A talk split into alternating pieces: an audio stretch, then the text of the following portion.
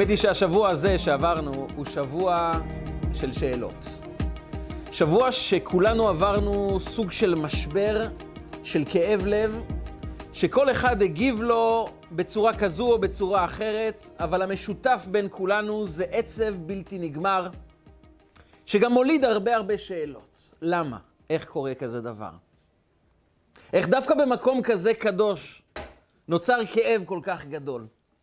ואז אנחנו שואלים שאלות. ומעבר לשאלות שאנחנו שואלים, גם יש אפקט שנוצר כתוצאה מהשאלות, זה גם מה יהיה, מה עם החיים האלה. ילדים שפוחדים, ילדים שחוששים, אנשים שאומרים לעצמם, החיים בשנייה אחת מתחלפים, משתנים, משמחה כל כך גדולה לעצב כל כך גדול. והשאלות, החששות, הפחדים, מתעוררים, והשאלה היא, איך מתמודדים מול השאלות האלו? מה הגישה של התורה, של היהדות, מול אירועים כאלה? והאמת היא שכאשר אנחנו באים לשאול שאלות, אנחנו צריכים קודם כל לבחון את הבסיס ואת יסודות החשיבה שלנו בחיים. כי אתם יודעים, היהדות מאוד אוהבת שאלות. היהדות מבקשת לשאול שאלות. כל מי שפותח את התלמוד הבבלי הוא רק חווה כל הזמן קושיות, וכשיש הסבר אז יש עוד קושייה ועוד שאלה. העם היהודי זו תרבות של שאלה ולא לקבל שום דבר כמובן מאליו. אז אנחנו אוהבים לשאול שאלות. יש לנו גם לילה שמוקדש לשאלות. ליל הסדר. זה לילה שהנקודה העיקרית בו זה לשאול שאלה, זה לעשות כמה שיותר דברים מוזרים כדי שהילדים ישאלו שאלות. הדבר הראשון שאנחנו שואלים זה, למה מטבילין? בכל הלילות אין לנו מטבילין אפילו פעם אחת, הלילה הזה שתי פעמים. הילד רואה את האבא לוקח ירק וטובל במי מלח, מברך ואוכל, ואז הילד שואל, למה? אנחנו לא עושים את זה בשום ערב. ואנחנו צריכים לענות לו, כי זה מרמז על עבודת הפרך שלנו, על הסבל שהיינו במצרים, ויצאנו ממצרים. אבל יש משהו מוזר כאן. יש לנו עוד ערב בשנה שאנחנו מטבילין. ראש השנה. אנחנו מטבילים תפוח בדבש. אבל כאן אין לאף אחד שום שאלה. למה? אמר פעם מישהו, כי אנחנו מטבילים את התפוח בדבש, ודבש זה מתוק. וכשיש מתוק, אף אחד לא שואל שאלות. אנחנו שואלים שאלות כשמר, אנחנו שואלים שאלות שיש דמעות, אנחנו שואלים שאלות שיש מי מלח, אז אנחנו שואלים שאלות. ובדיוק את הבסיס הזה אנחנו אמורים לבחון. מתי אנחנו שואלים את השאלות? על איזה בסיס אנחנו נדרשים לשאלה שלנו? כי כל שאלה היא נוצרת כתוצאה מהנחת יסוד, מבסיס בחיים. כל שאלה היא נשאלת כיוון שאנחנו תכננו משהו אחד ונוצר משהו אחר. ואז נוצר קונפליקט, ואז אנחנו שואלים שאלות. כשמתוק זה מסתדר איתנו מצוין. אף אחד לא קם ושואל, למה התעוררתי היום בבוקר? למה אני נושם? אם אני נושם ואני קם בבוקר והכל מסתדר והכל טוב, הכל בסדר. אתם מכירים את אותו יהודי שננעל בגג של בניין בקומה ה-15. הוא בא לפתוח את הדלת של עליית הגג, אבל היא ננעלה, הוא לא מצליח לרדת. הוא קורא לאנשים, אבל אנשים לא שומעים אותו כי הוא מדי גבוה. והטלפון כמובן, נגמרה הבטריה. בדיוק בזמנים האלה היא נגמרת. הוא ניסה לקרוא לאנשים, אנשים לא שמעו, אז הוא אמר, אני אמצא פתרון. היה יהודי עמיד עם כסף, היה לו בארנק לא מעט דולרים, אז הוא התחיל לזרוק דולרים. הוא אמר, אנשים יפגשו באמצע הכביש, במדרכה, דולרים, ירימו, יסתכלו למעלה, יראו מאיפה זה הגיע. אבל אנשים הרימו את הדולרים, שמו בכיס והמשיכו הלאה. הוא רוקן את כל הארנק שלו, ואנשים לא מסתכלים, מרימים דולרים. לא הייתה לו ברירה, הוא מצא כמה אבנים קטנות, אז הוא זרק. האבן הראשונה שנחתה למטה, עשרה אנשים הרימו את הראש, הלו, אתה שם, מה אתה זורק אבנים? אז הוא צעק להם בחזרה, למה כשיש לכם דולרים אף אחד לא מרים את העיניים למעלה? רק אבנים גורמים לכם להרים את העיניים למעלה. מה גורם לנו להביט למעלה? מה מניע אותנו לשאול שאלות? לפני שאנחנו עונים על השאלות, אנחנו צריכים לשאול את עצמנו, מהם הנחות היסוד, מה הבסיס שעליו אנחנו משתיתים את החיים שלנו, מה הם חיים בכלל. וכאשר אנחנו בוחנים מה הם חיים, אז השאלות מקבלות מימד אחר בחיים. כי יש שאלות בונות, יש שאלות מקדמות, ויש שאלות שמשיגות אותנו אחורה, שמפילות אותנו, שגורמות לנו להישאר במקום. ואם אנחנו רוצים לבחור את השאלות הנכונות של החיים שלנו, אנחנו אמורים לבחון את הבסיס, היסוד של מה שאנחנו קוראים חיים. וכאן באה פרשת השבוע ופותחת במצווה שמבחינה הגיונית היא די מוזרה. קוראים לזה מצוות ריבית. כל ההתנהלות הכלכלית היא מבוססת על ריביות. אתה לוקח הלוואה, אתה משלם ריבית. כך אנשים עושים עסקים, כך בנקים קיימים, כך אדם יכול לקבל הלוואה ולקנות, לרכוש דירה, לרכוש רכב. והתורה באה ואומרת לנו שאסור לנו להלוות בריבית איש אל אחיו. זה אומר שאם ראובן צריך אלף שקלים, והוא בא לחבר שלו שמעון ואומר לו, יש לך אלף שקלים מיותרים שאתה לא צריך? הוא אומר, כן, יש לי. אפשר לקבל הלוואה לחודש? הוא אומר לו, בסדר גמור. סוף החודש, תביא לי 1,200 שקלים. בסדר? הוא אומר, תשמע, אני צריך כל כך את הכסף, זה יעזור לי, אני מוכן. אני גם אעשה השקעה ואני ארוויח כסף ואני אתן לך חלק מהרווחים, תקבל קצת כסף. אומרת התורה, זה אסור, זה איסור ריבית. לא רק שזה אסור, באים חכמינו ואומרים את המשפט הבא, מי שמלווה בריבית לא יקום בתחיית המתים. אחד מיסודות האמונה היהודית שיחיו המתים, ברוך אתה השם, מחיי המתים, זה לא כולל את אלה שילוו בריבית. אתה מסתכל על מה שאמרו חכמינו ואתה שואל, מה כל כך גרוע? בסדר, זה לא האדם הכי הגון, זה לא האדם הכי טוב, יש לך כסף, תלווה, יחזירו לך את זה. אבל לא יקום בתחיית המתים, רשע, קוראים לו עוכר ישראל. הנביא יחזקאל מספר על הסיפור המפורסם של חזון העצמות היבשות. הקדוש ברוך הוא הוביל אותו לבקעה, שהיו שם 600 אלף מתים. ואז הוא אמר לו, התחיינה העצמות האלה? אתה מאמין שאני יכול להחיות את העצמות? ואז הקדוש ברוך הוא החיה אותם. והם קמו, 600 אלף אנשים קמו לתחייה. והמדרש מספר שכולם קמו, אבל יחזקאל שם לב שאחד לא קם. והוא פנה לקדוש ברוך הוא ואמר, כבר הקמת את כולם, 600 אלף אנשים, אותו לא יכלת להקים, למה לא הקמת אותו? למה הוא לא חזר לתחייה? אמר לו הקדוש ברוך הוא שונה מכולם, כולם עברו עבירות, אבל הוא הלווה בריבית, ומי שמלווה בריבית לא יכול לקבל חיים. הלוואה בריבית זה נוגד את המושג חיים. השאלה היא מה כל כך גרוע. אדם עשה עסק, זה כסף שלו, הוא הלווה. יותר מזה, אדם השכיר את הרכב שלו. יש לו חברת השכרת רכב. הוא משכיר את הרכב, הוא אומר, אתה תשלם לא רק על הבלאי, לא רק תמלא את הדלק בחזרה, גם תשלם על השימוש ברכב. וזה מקובל על התורה, זה בסדר גמור. אתה משכיר את הפטיש, את הרכב, כל מוצר ששייך לך, כל חפץ שיש לך, אתה משכיר אותו, מותר לך לקבל על זה כסף, אין שום בעיה. עד הכסף. כשאתה נותן כסף לאדם אחר, אסור לך לקבל עליו תוספת כסף. זו ריבית וזה איסור חמור.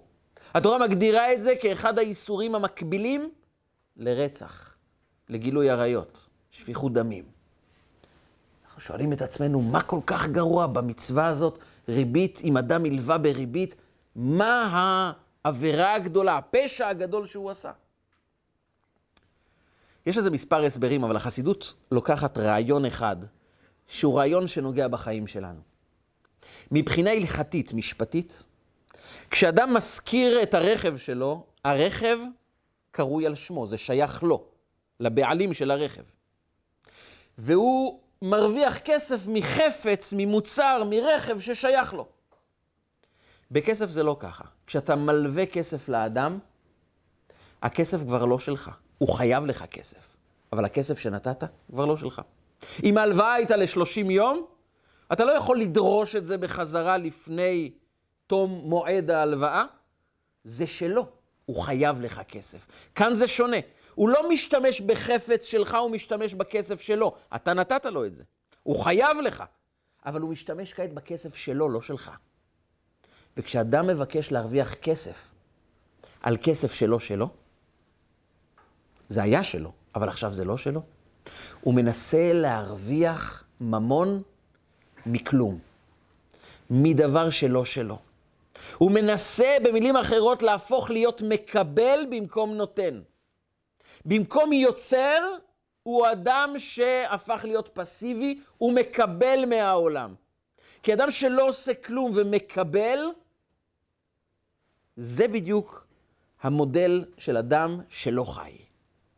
חיים זו יצירה, זו עשייה, זו פעולה. זה המושג חיים. יש משפט בחסידות שאומר, כל חי מתנענע, לנוע, להתקדם, להוסיף. זו הגדרה של חי. אדם שלא זז הוא אדם שלא חי. חיים זה אדם שיוצר, שפועל, שעושה משהו חדש. והמלווה בריבית הוא בעצם אומר, אני יושב בבית ולא עושה שום דבר. מרוויח את הכסף ככה מלשבת. אם זה מוצר ששייך לו, אם זה חפץ ששייך לו, זה בסדר גמור. כי זה שייך לך, אתה מרוויח מדברים ששייכים לך.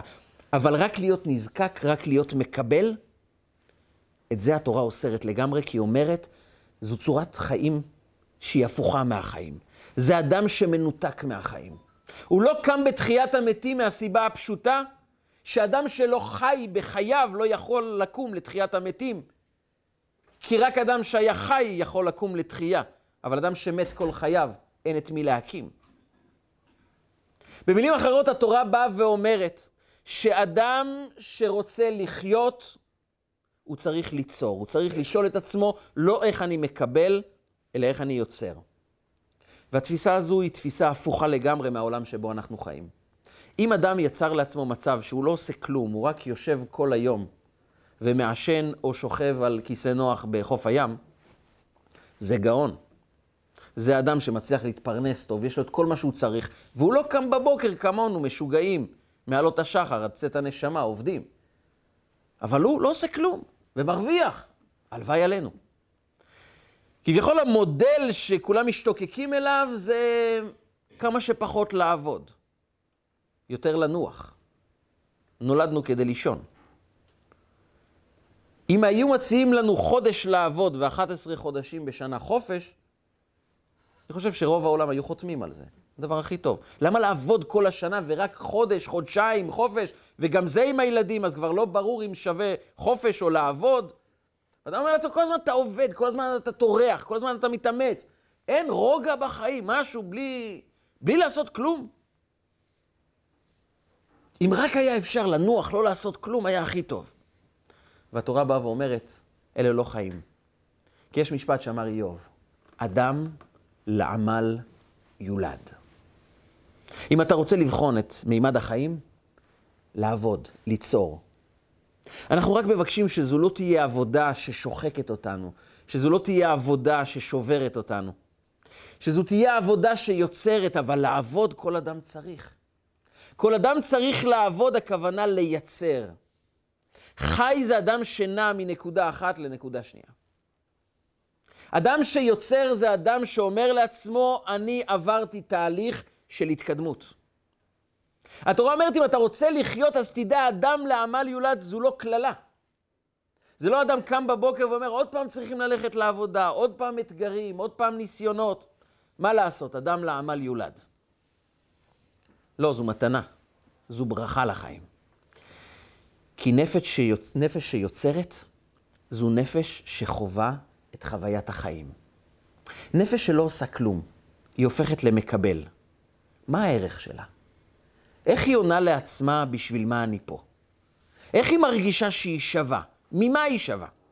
נכון, החוויה השקרית של ההנאה היא תחושה כזאת שהכל טוב. אבל כשנגמרה ההנאה והכל שוקע, אדם צף למעלה ואומר, מי אני? מה החיים שלי שווים? אז כדי שהוא לא ישאל את עצמו מדי הרבה שאלות, הוא מחפש עוד פעם ליהנות כדי להשתחרר מהשאלות האלה, כי הוא שואל את עצמו מי אני. אז הוא מחפש עוד ליהנות ועוד ליהנות ועוד ליהנות. והוא מפחד מהרגע שהוא לא ייהנה, כי אז יצופו השאלות מי אתה. אז כדי לא להיכנס לזה, הוא חווה חוויות בלתי נגמרות של הנאה. וכשנגמרות ההנאות, כי החיים לא מספקים הנאה אינסופית, כי זה לא מטרת החיים, אז הוא מתחיל לקחת חומרים. ואז הוא נכנס למערבולת שהסיום שלה הוא סיום מאוד טרגדי. והתורה מציעה לנו משהו אחר, היא מציעה לנו לחיות. אדם לעמל יולד זו מתנה. אדם לעמל יולד זה אומר שנפש שחיה כשהיא יצרה משהו חדש, היא עשתה משהו. אדם שקם בבוקר ויודע מהם היעדים שלו, לא יעדים שקבעו עבורו, שהוא נסחף לתוכם, אלא הוא קם בבוקר וכבר בלילה הוא ידע. היום אני רוצה לעזור לכמה אנשים. היום אני רוצה ללמוד משהו חדש. היום יש לי אתגר שאני אעבוד על מידה שאני יודע שאצלי היא בעייתית. אני הולך לעבוד על זה. הוא קם בבוקר עם אתגר. כשהוא עומד באתגר, הנפש חווה ערך. אני עושה משהו כאן. יש משמעות לחיים שלי. ובנוסף למשמעות, כן. אתה מתכוון בעניין הזה של העבודה, זה שלאו דווקא שאתה מקבל אה, תוצאה שזה כסף.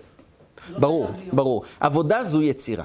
עבודה זה פעולה שהגעתי ממנה מנקודה אחת לנקודה גבוהה יותר. במקום הזה לא רק שאני מקבל ערך, אני מקבל את המושכות של החיים שלי לידיים. אני פתאום מבין שבמקום להיות נשלט, אני שולט. כי אדם שכל הזמן מקבל, הוא חווה הנאה. החיים מעניקים לו הנאה, חוויות נעימות, אבל בסופו של יום, הוא שואל את עצמו, א', מי אני? ב', האם אני נשלט או שולט? האם אני מנהל את החיים שלי, או החיים מנהלים אותי? ואדם שהחיים מנהלים אותו, זה אדם שגם לא מפסיק ליהנות, אבל אין לו אתגרים, הוא לא עומד באיזה יעד. הוא לא משנה שום דבר בתכונות האישיות שלו. הוא רק רודף כל הזמן על כמה הוא ייהנה יותר, כמה יותר כסף, כמה יותר כבוד, כמה יותר יכול לחוות חוויות של הנאה. אבל בעצם, אם נחשוב לעומק, הוא מחפש שהעולם יעניק לו, והוא לא עושה כלום. ואז הנפש בונה בתוכה הכרה שאני לא מועיל לשום דבר. אין לי מה לתרום, יש לי רק מה לקבל. ועל הקרקע הזו צומחות כל, צומחים כל הדברים הרעים, הפחדים, החששות, הדיכאונות, החוויות הרעות. כיוון שאדם אומר, אני לא שולט על החיים, אז החיים יקבעו עבורי, ואין חוויה יותר מתסכלת, יותר מפחידה, יותר אימתנית, יותר רעה לאדם, מהחוויה הזאת שהעולם שולט עליי. כי אם הם שולטים עליי, אני עבד, ואם אני עבד, מה יהיה מחר? מה יקרה? וכשאדם מתרגל כל יום לעמוד ביעדים, יש לו אתגרים. הוא בונה לעצמו תוכנית עבודה על האישיות שלו. הוא בונה תוכנית עבודה למה הוא הולך לייצר במשפחה שלו, בזוגיות שלו, בהתקדמות האישית. הוא בונה לעצמו תוכנית שנכון, בזמן שהחברים שלו יושבים על הספה וצופים בחדשות במשך שעה כדי לשמוע את אותו עניין עוד פעם ועוד פעם, ולשרוף עוד שעה, ביחד עם זה שהוא שרף כמה חטיפים גם בדרך, אז הוא הלך ללמוד משהו. ואומרים לו, מה, תהנה, תשב על הספה, תראה סרט, ת, ת, תקשיב, תקשיב חדשות, תקרא עיתון.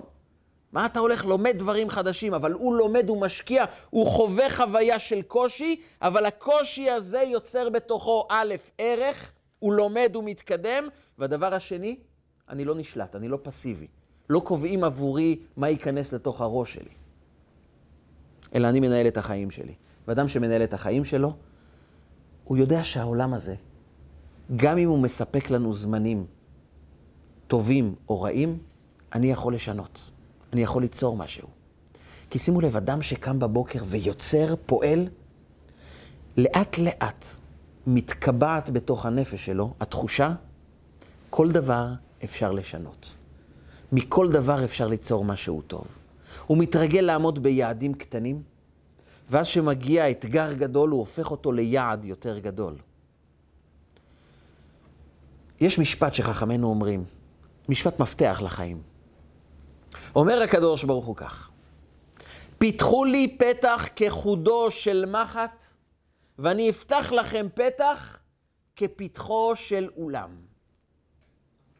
אומר הקדוש ברוך הוא במילים אחרות, תעשו משהו קטן, אני אתן לכם משהו גדול. אבל יש כאן מסר עמוק יותר. פתח כחודו של מחט. מה זה פתח כחודו של מחט? מסבירה תורת החסידות שפתח כחודו של מחט מחט זו נקודת האפס. הקצה של המחט זה הנקודה הכי קטנה, והפתח שהיא עושה זה נקודת האפס. זה הנקודה הכי קטנה שהיא יכולה להיות. אומר הקדוש ברוך הוא, אתה יודע מה זה פתח כחודו של מחט? זה נקודת האפס. מה שנקרא בלשון החסידות נקודת הביטול. כשיש יעד אמיתי, אני צריך לבטל את הרצונות שלי, את התחושות שלי, את הרצון הטבעי או הבהמי שלי ללכת לנוח, ליהנות, לא לעשות כלום, ואז אני מקריב. אז אני מגיע לנקודת האפס, אני מבטל את הרצונות הפשוטים שלי, ואני עומד ביעד חדש, וכאשר אני יוצר את פתחו, פתח כחודו של מחט, אני יכלתי להתגבר על הרצונות שלי, אני ניצחתי את עצמי במובן מסוים, נפתח, נפתח לי בחיים פתח כפתחו של אולם. מה זה פתחו של אולם? האולם זה האולם של בית המקדש. בבית המקדש היו שני חלקים, החלק הפתוח והחלק הסגור. החלק הסגור נקרא היכל, ויש כניסה שנקראת כניסה לאולם. הכניסה הזו הייתה שונה מכל שאר הפתחים של בית המקדש. למה? כל פתח בבית המקדש הוא היה עד גובה של 20 אמה, 10 מטר, ולכל פתח יש שער, יש שערים, פותחים וסוגרים אותם. יש פתח אחד בבית המקדש שאין לו שערים, אין דלתות. זה פתחו של האולם. לפתחו של אולם אין דלתות. הייתה פרוכת שם שפרוסה, אבל אין דלת. ויש עוד משהו אחד. הגובה שלה היה כפול מהגובה של כל שאר הפתחים. היא הייתה בגובה 40 אמה. וכאן נשאלת השאלה, מה הפתח הזה בא לומר לנו? למה הוא בגובה של 40 אמה כפול מכל שער? למה אין בו דלתות? למה לא שמים בו שערים? יש לך פתח, שים שער. והתשובה היא שיש פתחים בחיים שלנו שהם לא נסגרים. יש לנו אפשרות לפתח של צינור שמביא אלינו ברכה אינסופית, ללא דלתות. כי דלת, זה אומר שלפעמים זה פתוח, לפעמים סוגרים, ואז השער סגור. כל אחד היה לו את החוויה הזאת שהוא הגיע למשרד בדקה האחרונה, ואז סגרו את הדלתות ואמרו, סגור. אתה אומר, אולי תפתח. הוא אומר, אבל זה... הזמן עבר, סגור. אבל יש פתח שלא נסגר לעולם בחיים שלנו. זה פתחו של אולם. לכן הוא גם גבוה יותר מ-20 אמה, אתם יודעים, בהלכה. 20 אמה זה הגובה המקסימלי שעין בצורה פשוטה יכולה לראות. את הסוכה שאנחנו בונים, מותר לבנות אותה עד גובה מקסימלי של עשרה מטרים. עד 20 אמה. למה? כי עד 20 אמה העין רואה את הסכך, אז אני רואה את הסכך שהוא עיקר הסוכה. מעבר ל-20 אמה העין שלי כבר לא רואה את הסכך. העין לא שולטת. ואמרו בחסידות, עד 20 אמה זה גובה של הבריאה. זו ברכה שקשורה לעולם החומר, לעולם שבו אנחנו חיים. ועד 20 אמה יש שערים, לפעמים אני מקבל, לפעמים אני לא מקבל. אבל יש שער שהוא מעבר ל-20 אמה, הוא כפול. העין שלנו לא יכולה לשלוט, היא לא רואה את המקום הזה. כי זה מעבר לתחום החומר, זה מעבר לתפיסה של בן האנוש. זו ברכה שמעבר לכוחות שלנו. ואת השער הזה אפשר להגיע אליו בדרך אחת. פיתחו לי פתח כחודו של מחט, ואני אפתח לכם כפתחו של אולם. אז תקבלו שפע, בלי שערים, בלי דלתות שסוגרות את השפע. בלי גובה של 20 אמה, ששם אנחנו נמצאים בצורה מוגבלת בתחום החומר, אלא מעבר ל-20 אמה. את השער הזה מקבל מי שהופך להיות בעצמו בלי גבול. וזה נקודת האפס, נקודת הביטול, נקודת ההתגברות, נקודת היצירה. כשאדם עומד באתגר, הוא אומר לעצמו, את זה אני לא אוכל. את המשפט הזה שאני רוצה להוציא מהפה, אני לא יאמר. יש לי רצון לצאת בכעס גדול, יש לי רצון לשקוע בדיכאון, יש לי רצון עכשיו לריב עם אנשים. אני מאזן את עצמי, אני מתגבר על עצמי. אני עושה את זה בצורה יותר מושכלת. אני יודע לכלוא רגע אחד את הרגשות. כמובן לא לכלוא אותם לגמרי ולהישאר עם הכעס, אלא לדעת לנהל את זה בצורה יותר נכונה, אבל זה דורש ממני רגע אחד להגביל את עצמי. רגע אחד אני ממש רוצה לומר משהו, אבל אני יודע שאני לא חייב לומר. יש משפט שאנשים אוהב, אוהבים לומר, אני חייב לומר לך משהו. אנחנו לא חייבים אף פעם לומר משהו. אנחנו בוחרים לומר. כי חייב לומר משהו זה במילים אחרות, יש משהו יותר חזק ממני בתוכי. אין שום דבר יותר חזק ממנו בתוכנו. אנחנו יכולים לשלוט על כל פרט בחיים שלנו. זו שאלה של בחירה. זו שאלה של יעדים בוקר, צהריים וערב. פיתחו לי פתח כחודו של מחט, כי מחט היא נותנת את נקודת האפס, נקודת הביטול. רגע אחד שאני מרגיש שאני לא נהנה משום דבר. אני לא מרוויח שום דבר, אני רק סובל, אני רק משקיע. אבל ההשקעה הזו יוצרת פתח כפתחו של אולם, בלי גבול. כי האדם שמוכן רגע אחד להתגבר מעבר לתחושות החומריות הבהמיות שבו, הוא הופך להיות כמו הקדוש ברוך הוא, יוצר. והקדוש ברוך הוא אינסופי. אז מי שמדמה אליו, מי שמתנהג כמותו, מי שמתגבר על התחושות החומריות ואומר, רגע, אני אעצור, ואני אהיה קצת יותר טוב. אני אשקיע בלימוד, גם כשקשה לי. אני אשקיע בשני, גם כשזה דורש ממני. אני מחפש את האתגרים האלה. אני מבין שכשהחיים מספקים לי אתגרים, שפתאום אני צריך לעזור לאדם נוסף וזה דורש ממני לוותר על שעת שינה, על קצת מהכסף שלי, על קצת מהנחת שלי, מהרוגע, ופתאום אני צריך להתאמץ, אני מרוויח. אני מרוויח את הפתחו, פתח כחודו של מחט. ואז האדם היוצר, האדם שמוותר על האגו שלו והופך להיות אדם יותר רוחני, מקבל ברכה כפתחו של אולם. כי החיים שלנו, החיים שבהם אנחנו בוחרים להיות, הם מביאים אלינו את מה שאנחנו חשים בתוך החיים. אדם שמתגבר כל יום, שיוצר כל יום, מקבל חיים של יצירה. אדם שבוחר להתעלות מעבר לתחושות החומר, להגבלות הטבע, מקבל ברכה שמעבר להגבלות הטבע. כי אנחנו מושכים לחיינו את אותו הדבר שאנחנו מעניקים לחיים שלנו. אדם שמעניק לחיים שלו אגו, רצון להתמקד רק בעצמו, תחושה של שקיעה בחומר, זה מה שהוא יקבל. הוא יקבל את הדברים המוגבלים של החיים שלו, ואז כשמגיעה ברכה מוגבלת, יום אחד יש אותה, יום אחד השערים נסגרים ואז אין שום דבר. אבל אדם שיוצר, אדם שפועל, אדם שבוחר לא להתמקד במוגבל, אלא תמיד לפרוץ הגבלות, הוא מקבל ברכות בלתי מוגבלות. ולכן אומרת התורה, אדם לעמל יולד. לקבע בעצמנו את התחושה הזאת שאנחנו יוצרים, שאנחנו פועלים, שאנחנו עושים, כל יום לעמוד באתגרים. עבודה זה לא עונש, עבודה זה דרך חיים. אדם לעמל יולד. נכון שאנחנו לא רוצים את עבודת הפרך של פרעה במצרים, שהעבידו אותנו בחומר ובלבנים, אבל אומרת החסידות, אנחנו יכולים להפוך את החומר ולבנים ללימוד תורה שכולל את הקל וחומר על שם החומר, וליבו נלכת ללבן הלכות כנגד הלבנים. בכל דבר בחיים אנחנו יכולים לבחור לעבוד, אז לא לעבוד בצורה ששוחקת אותנו, אבל לעבוד, לקדם את עצמנו, לעמוד ביעדים, לחוש את התחושה שיש לי קושי ואני מתגבר עליו, זו חובה בכל יום.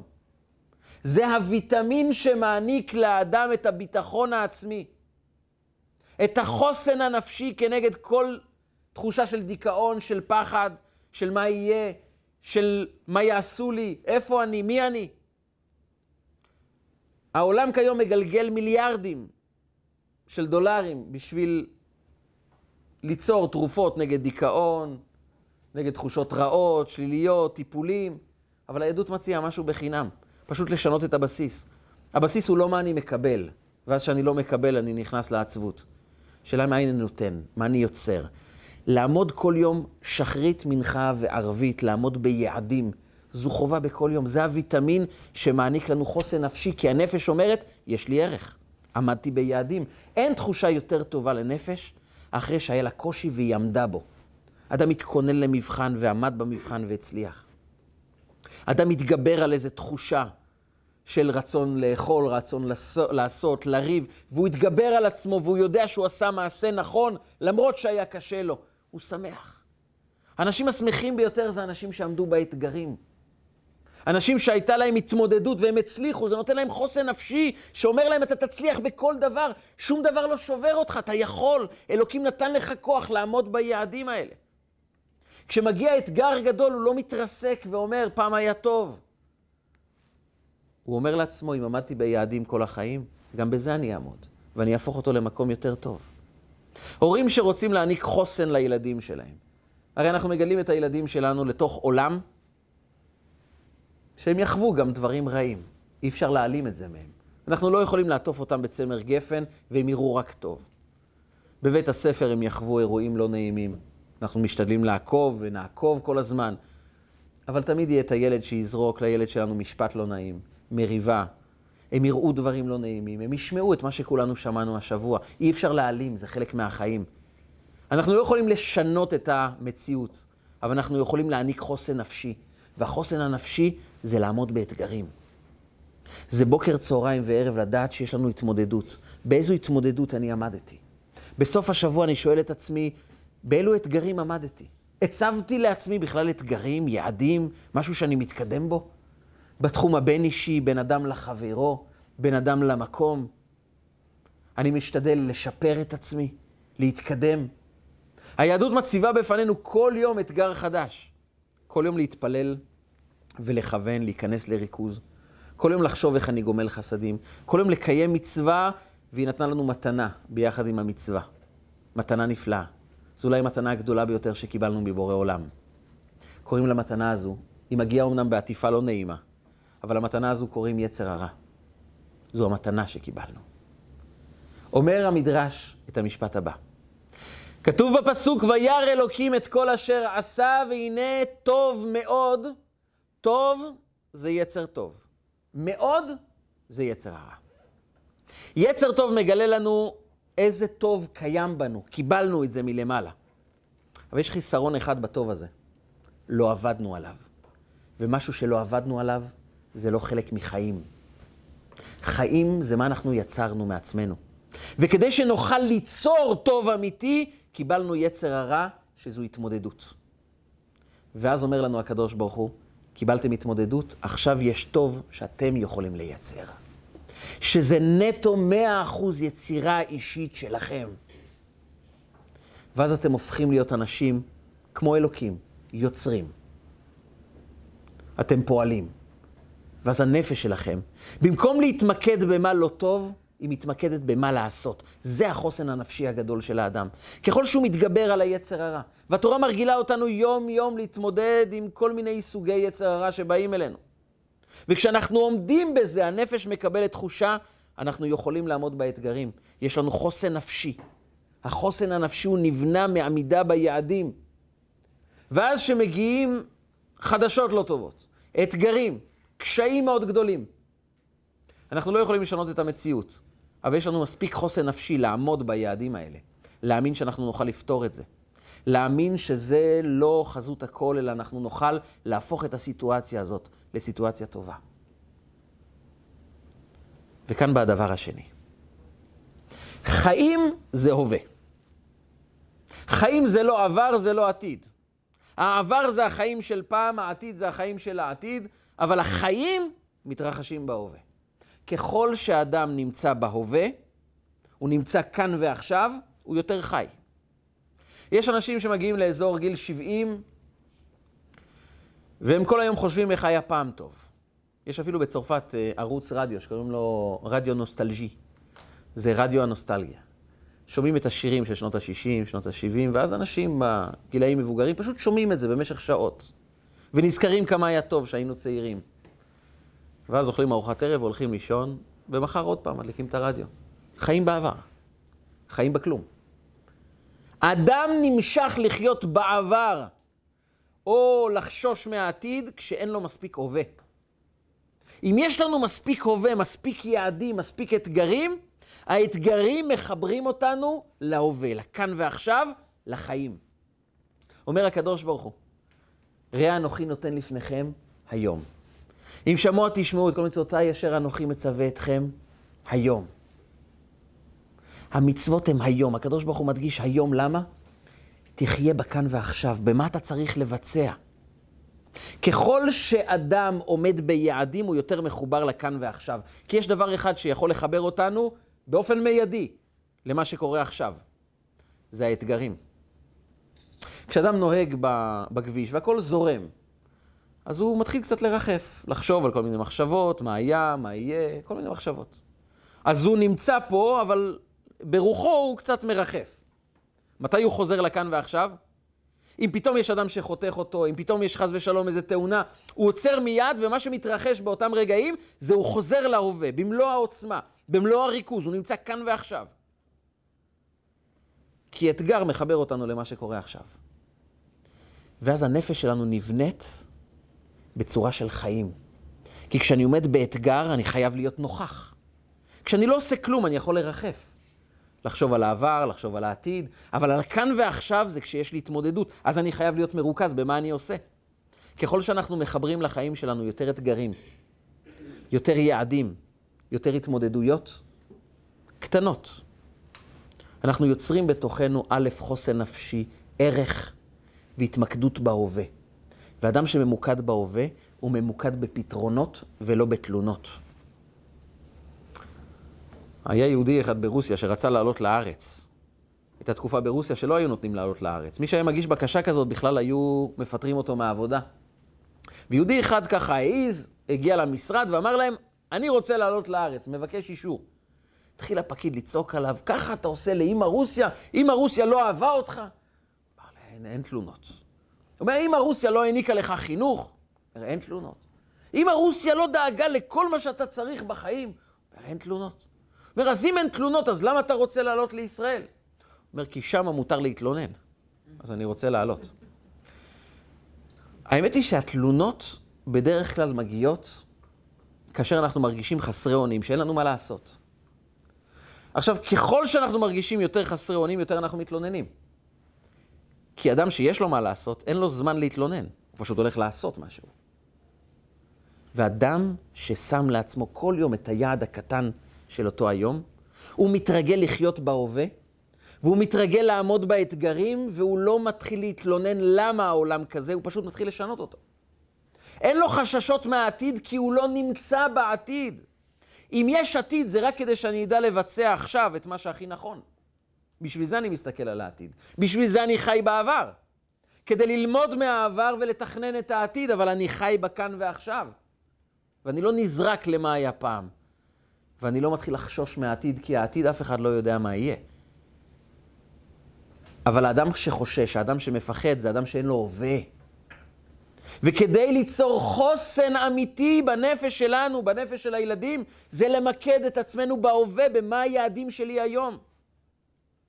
ואז, נכון, יש חששות ממה יהיה בעתיד, שאנחנו חווים טרגדיות, אז אנחנו באמת לא יודעים מה לענות לעצמנו, אבל אדם שעומד ביעדים, יש לו תשובה אחת, שהוא תמיד עונה לעצמו. מה אני עושה עכשיו? מה נדרש ממני כעת?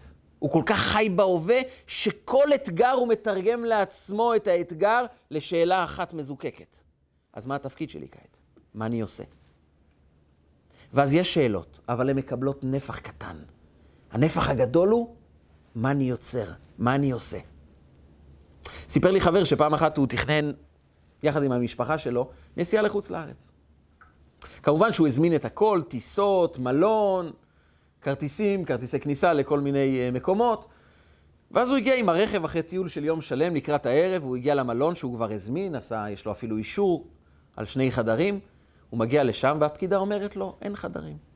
הוא אומר לו, אבל הזמנתי. היא אומרת, הזמנת, הזמנת, אין חדרים, הכל תפוס. התגובה הראשונית זה לקלל את המלון, לקלל את המדינה הזאת, לרטון על למה זה ככה ולצעוק. ויש ילדים ליד, והילדים לומדים עכשיו איך חיים כשיש תקלות. צועקים, מקללים, מתלוננים, מתרתחים, ואז כשעצבנים, אז גם עצבנים על הילדים, וכל הטיול נחרב. הוא כינס את הילדים שלו ואמר, תראו, אנחנו הזמנו, היינו בסדר, הזמנו כרטיסים לחדרים, אבל אין חדרים עכשיו. בואו ננסה למצוא פתרון. מה הפתרון שאתם ממליצים? ואז הפך לאתגר, מה הפתרון שאפשר למצוא? אולי לשכור אוהלים? אולי להתקשר ולבדוק שיש מלון קרוב? הם בדקו, ומצאו שיש מלון שזה מרחק של נסיעה אחרת. זה לא מלון כזה טוב, אבל זה בית הערכה, ששם יש שני חדרים. והם נסעו לשם ומצאו פתרון. והוא אמר לי, אתה יודע, כל הטיול הזה היה שווה. בגלל דבר אחד, הילדים למדו שכשיש תקלות, תתמקד בפתרון, ולא בשאלות למה. כי זה לא מקדם אותנו לשום מקום. זה רק מחריב לנו את ההרגשה. אבל הם למדו, יש אתגר. האדם שיודע לעמוד ביעדים יום-יום, ביעדים קטנים, כשמגיע האתגר הגדול, הוא לא שואל את עצמו שאלות שמחריבות לו את החיים, שמרסקות אותו למטה, שמשאירות אותו במקום במקרה הטוב, אלא שאלות שמקדמות אותו. מה עכשיו אני יכול לעשות טוב יותר? איך אני יכול להתקדם יותר טוב? וההתקדמות האמיתית, החוסן הנפשי הזה שמעניק לנו ערך, רצון להתקדם, לשאול את השאלות הנכונות שמקדמות אותנו, זה דווקא כאשר אנחנו יודעים לזהות מהם החולשות שלנו. כי החולשות זה המתנה. יצר הרע זה המתנה הגדולה. כי שם אני הופך ליוצר. את הדברים הטובים שקיבלתי זו מתנה מלמעלה, הייתי פסיבי. החסידים אמרו תמיד שהם לא מעריכים אדם שקיבל כישרונות. נכון, זה נחמד מאוד לראות אדם כישרוני שנולד ככה. הערך האמיתי זה לאדם שעבד ועמל יום-יום. היו לו כישרונות חלשים, אבל הוא עמד, הוא עבד, הוא התמודד, הוא השקיע והוא התקדם. זה ערך, זה אדם שיוצר, זה אדם שחי, זה אדם שיצר משהו חדש, הוא הפך להיות כמו בורא. ולכן האדם שמשקיע, שמתאמץ, הוא מגיע לחודו של מחט, הוא מקבל פתחו של אולם. אבל זה לעמוד ביעדים יומיומיים של הכרת החולשות שלנו. אם העולם שבו אנחנו חיים אומר לנו רק תנוח ושים בצד את כל החסרונות ותדאג להראות לעולם כמה אתה נחמד, ותסתיר במגירה שם את כל החסרונות, אומרת התורה, החסרונות זה המתנה. אין צורך להראות אותם לכל העולם, אבל יש צורך להראות אותם לעצמנו ולעבוד עליהם.